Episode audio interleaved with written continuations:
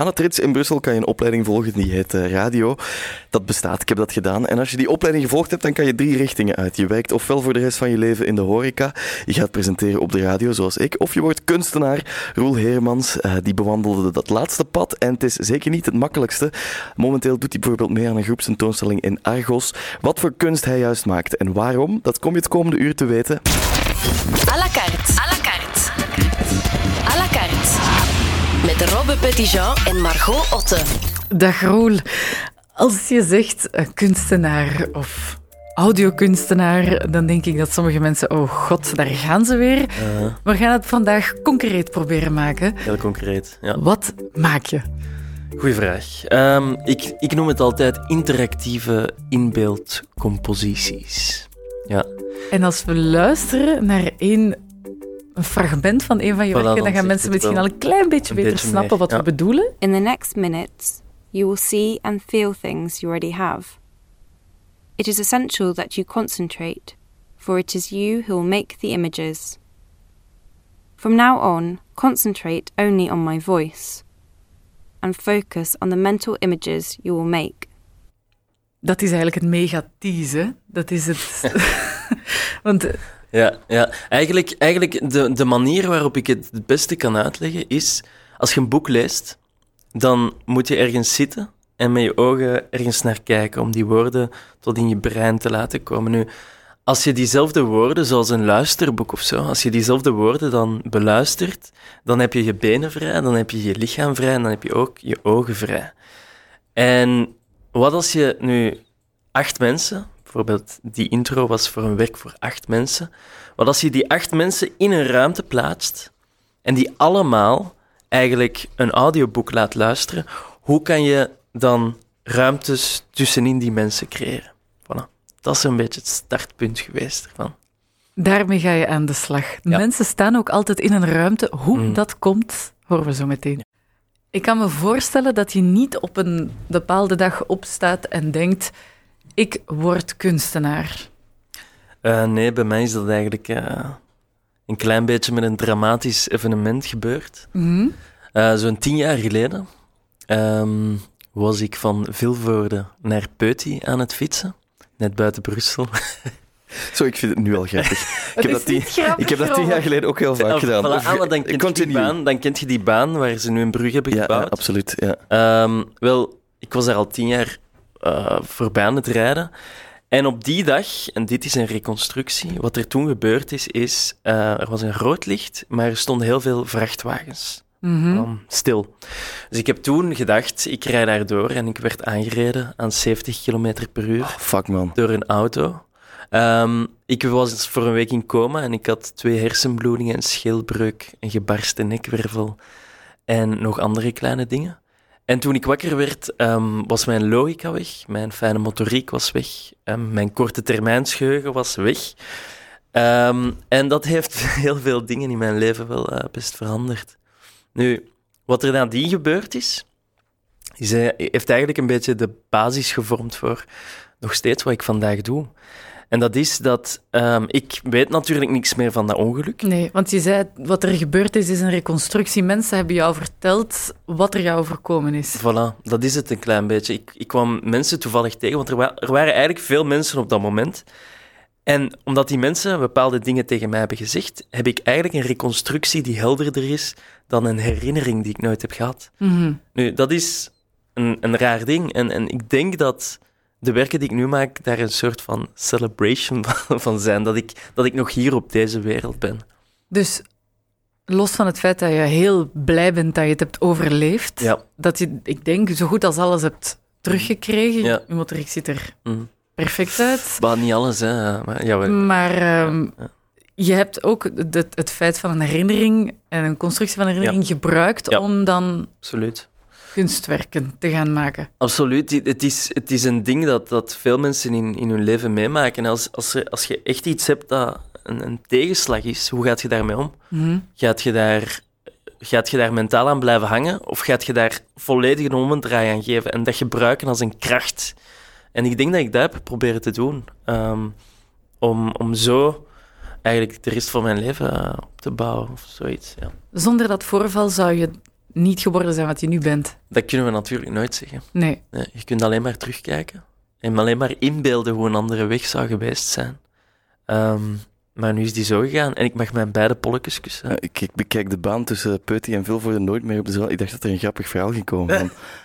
Ja, ben jij even verrast, Robbe? Ben ik even verrast? Jesus Christ. Gebruik je dat ook letterlijk in je werk? Wel, heb je dat al eigenlijk- gebruikt, letterlijk? Eigenlijk niet, want waar ik echt een hekel aan heb, is zo van die eh, zelf, hoe zeg je dat, Ehm, zelftherapeutische kunst. Mhm. Ik heb dat wel als starting point gebruikt, maar ik wil eigenlijk dat mensen die mijn werk beleven echt een super, eerst en vooral een super coole ervaring hebben en nadien dat er een soort van reflectie komt Ja. ehm, over de wereld waarin we leven en hoe dat we omgaan met de ander vandaag. Als mensen naar jouw werken luisteren, ehm, dan staan ze altijd in een ruimte op een Mhm. bepaalde manier Ja. geschikt, zoals hen opgedragen is. Waarom doe je dat op die manier? Goh, dat is, eh, dat is een, een moeilijke vraag. Dat is een...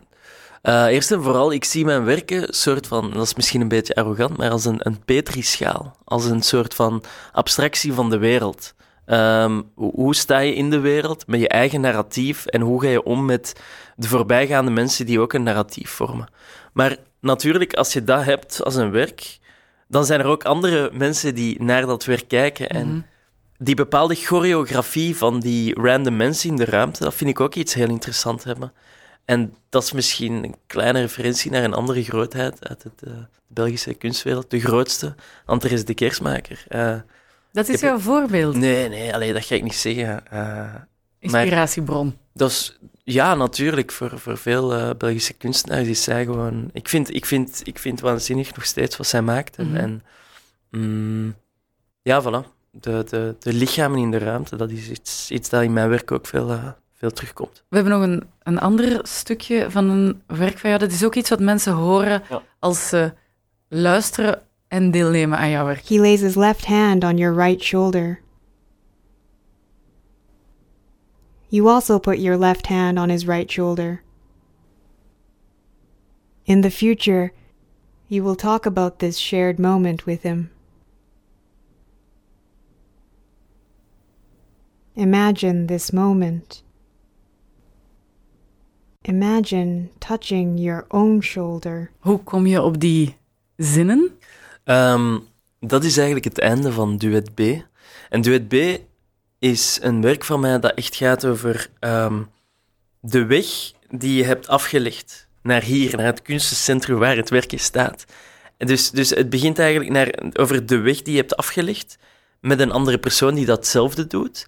En eigenlijk mentaal en fysiek groei je naar elkaar toe. Dus dit is het einde waar twee mensen recht tegenover elkaar staan.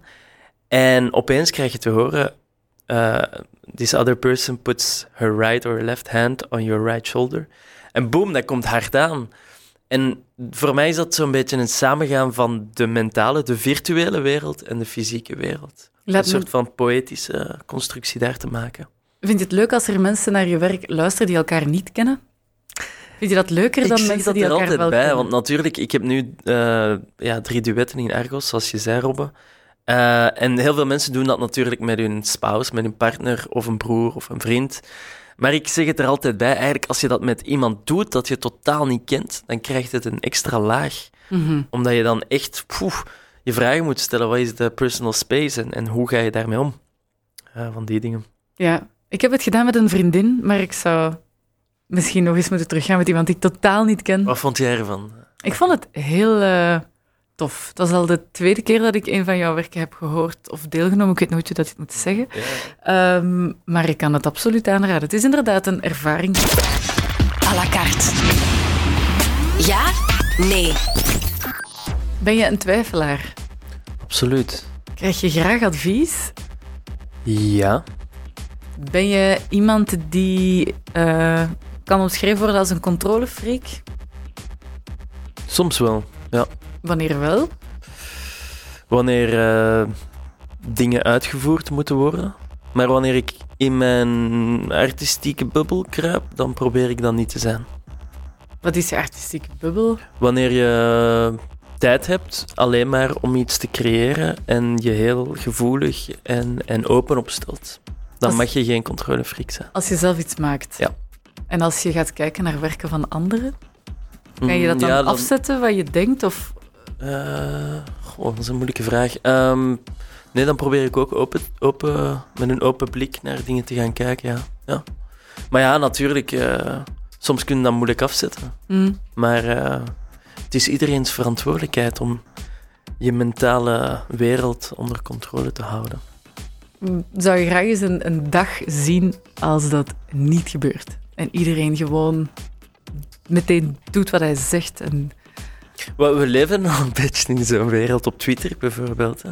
En ik bedoel, eh goh ja, iedereen, iedereen denkt dat hij nu het recht heeft om iets te zeggen. Maar, eh goh ja, ja, wat was de vraag alweer? of je dat leuk zou vinden, om dat eens te zien wat er dan gebeurt. Maar als je Twitter beschrijft, dan denk ik nee, liever niet. Nee, nee, ik denk niet dat je in zo'n wereld wilt leven. Hè. Zie je jezelf een beetje als een ehm, wereldverbeteraar met wat je maakt? Of gaat het Goh, ver? Ehm, ja, natuurlijk, de, de, de, de impact dat je hebt op mensen is, is, is vrij, be- vrij, vrij beperkt, dat weet ik. Eh, maar ik probeer toch iets te doen, ja, dat, dat, dat, dat, dat misschien iets, iets laat zien of iets doet dat, dat anders is en, en dat bepaalde mensen zou kunnen helpen. Maar natuurlijk, je moet bescheiden blijven en allee, zoveel impact heb je natuurlijk à la fin niet. Nee. Vind je dat lastig? Nee. Nee. Nee. Dat lijkt me een gezonde houding. Ben je van plan om ooit nog terug te keren naar Vilvoorde? dat is een vraag die ik stel aan iedereen uit Vilvoorde. Eh, wel, mijn, mijn ouders wonen daar, dus eh, ik, ik ben daar nog wel af en toe, ja. Om eens eh, koffie te drinken op zondag. en gaat het daar goed? Wat vind jij? Eh, ja, ja, ja, ja. Mijn broer heeft daar dan gewoond. Ehm, er is een goede burgemeester, vind ik. Ehm, en ja, wat er daar gebeurt. Danira Boekris, een heel goede vriendin van mij, woont daar. Die bezoek ik ook veel. Ehm, ja, ik denk wel dat het, dat het een leuke stad is. Voilà, dankjewel. Dat is voor mijn, voor mijn persoonlijk dossier over Vilvoorde. Ik ben daaraan bezig. Als je kunstenaar bent, dan ben je dat heel de tijd. Vind je dat vermoeiend? Nee. Nee, dat is plezant. Hoe ga je daarmee om met dat? Is dat, is dat een andere versie van Roel of eh, is dat een beetje in elkaar overgegaan? Ehm, wel, als je... Je bent heel veel met dingen bezig dat je graag hebt. En ik vind, dat, ik vind dat dus zalig. Ik heb het al eens gezegd in dit interview, maar ik mag mijn beide polletjes kussen. Ehm, het enigste wat soms wel moeilijk is, natuurlijk als je een job hebt, dan heb je een bepaalde structuur. Je ziet mensen, eh, ik weet niet, 9 to 5, weet ik veel. Ehm, als je ja, kunstenaar bent, dan, dan heb je geen enkele structuur. Het is eigenlijk constant husselen. Gewoon eh, vroeg opstaan of niet. Maar, maar gewoon wel echt goede uren indelen. En, en die intrinsieke motivatie is er wel, maar je moet het dan ook wel elke, elke keer doen. Ehm, deadlines, jezelf deadlines opbrengen. ehm, en van die dingen. Maar nogmaals, ik heb al veel chance gehad. Ik heb al veel geluk gehad eh, daarmee. Als je werkt aan een nieuw werk, Mhm. is dat dan iets dat tot stand komt vanzelf of moet je je daar echt aan, aan zetten en opnieuw beginnen nadenken over ik moet iets maken, maar ik weet nog niet wat? Of heb je eigenlijk constant ideeën die je dan hoopt eh, Wel, te ontwikkelen, heel om te laten zien. zijn, ehm, allebei. Maar ehm, ik, meestal, ik denk hoe een, hoe een idee ontstaat, is meestal gewoon onderweg. Wanneer je met iets anders bezig bent, dan popt er iets op. En dan zet je dat in je, weet ik veel, ik zet dat in mijn eh, notities of zo. En nadien, wanneer er echt een, een, een moment komt waar je dan denkt van oké, ik moet nu iets hebben, van waar komt het? En dan dan, dan sluimert er wel al iets in, de- in je achterhoofd van, ah ja, ik, ik had wel zoiets. En dan begin je je notities te kijken en dan denk je, oké, dit in combinatie met dit zou, zou wel heel goed werken. Ehm voilà, bijvoorbeeld nu ook in Argos, eh, Mhm. die expo, dat, wa dat waren ideeën waar ik al twee, drie jaar mee, niet mee worstelde, maar mee in mijn achterhoofd zat. En eh, die komen er dan uit. Ja, zoiets. Als je, eh, herinner je nog het moment dat je voor de eerste keer werken die je gemaakt had liet horen aan, aan familie of aan vrienden die nog nooit iets van jou gehoord hadden? Ehm, ja. Ja, absoluut. En dat is, dat is nog altijd het meest stressvolle. Hè? Alleen vooral, ik heb een tweelingbroer. En eh, ja, dat is voor mij de absolute test. Als die het shit vindt, dan is het waarschijnlijk shit. Ehm, Even om een voorbeeld te geven, in Argos is hij de eerste geweest die het uit heeft getest. En twee van de drie duetten vond hij leuk, maar het derde vond hij echt shit. En dan heb ik dat echt nog aangepast. Echt waar? Dus hij is een beetje jouw Ja, ja, dat is... Dat is toetssteen. ja, niet altijd, maar, maar, maar nogmaals, familie en vrienden, alleen, vooral mijn broer dan, is, is heel belangrijk. En, en ja, dat geeft natuurlijk een voldoening als je vrienden dat tof vinden. Ja. Ehm, maar ja, daarvoor doe je het ook niet. Nee, Langs nee, de andere nee. kant. Ja. Dan zou je alleen bevestiging zoeken. En Dat, Voilà. Dat is niet de bedoeling. Nee.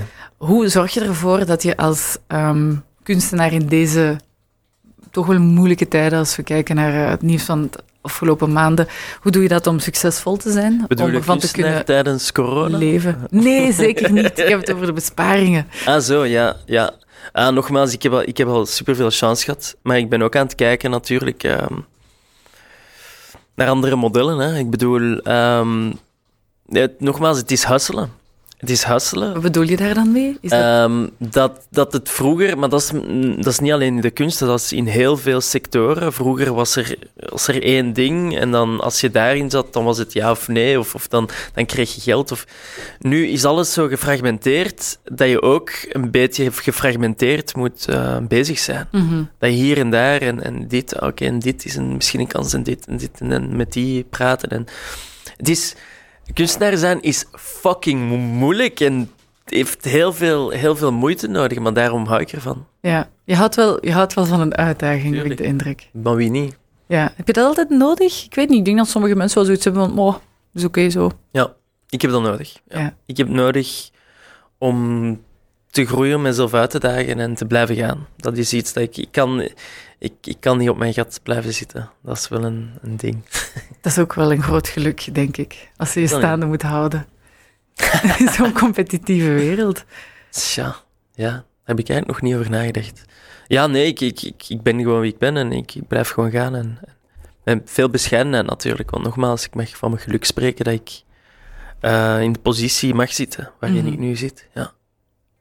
Dat is belangrijk om altijd te beseffen. Ja, en als kunstenaar ben je natuurlijk ook een soort van kleine zelfstandige, dus je mag gewoon congé nemen wanneer je wil. Rest ons nog te vragen waar we jouw werk kunnen horen. Ja, dus ehm, eigenlijk zijn er nu twee dingen in Brussel. In Luca, Galera, de volgende drie dagen. Ehm, maar het belangrijkste, waar jullie allemaal naartoe moeten, is ehm, in Argos. Mhm. En dat is in de Rue du Chantier, Werfstraat 13.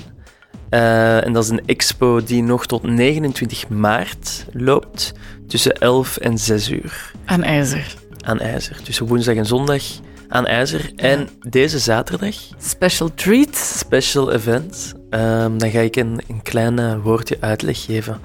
Kleine artist talk om twee uur in de namiddag tot en met vijf uur. Maar als je een beetje vroeger komt of een beetje later, is ook goed. Dat mag ook. Ja. ja, Uitstekend. Ja, voilà. Jij komt ook, eh, Margot? Ah, uiteraard.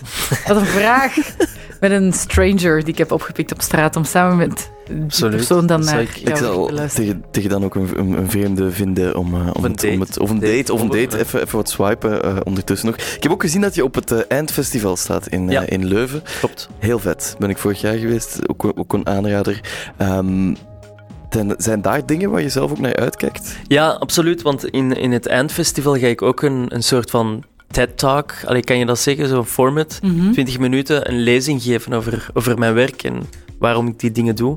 En daar kijk ik wel naar uit, want ik, ik wil wel meer, ehm, meer richting ehm, talks geven, bijvoorbeeld. Ik vind dat belangrijk. Om ook duiding, duiding te geven bij wat Ja. mensen horen. Ja, ja, ja, ja. Ja. En ook Eindfestival is een heel interessante eh, locatie. Ik ga daar een kwartet zetten, een werk met een spiegelende centrale structuur in het binnenplein van Stuk in Leuven. Dus ja, ik kijk daar naar uit. Absoluut. Wanneer is dat? Eh, van 6 tot 9 mei, geloof ik. Ah, dan is het al mooi weer. Fantastisch. Voilà, inderdaad, dan kunnen we daar op dat binnenplein gaan staan. En je kan dan al oefenen op eh, dat soort TED-talks die je wil geven. Nu zaterdag, ehm, om twee uur was het in Yes. Argos. Daar kan je eh, naartoe gaan. Dus lieve luisteraar, je hebt het gehoord, wij gaan daar zijn. Dat is beloofd.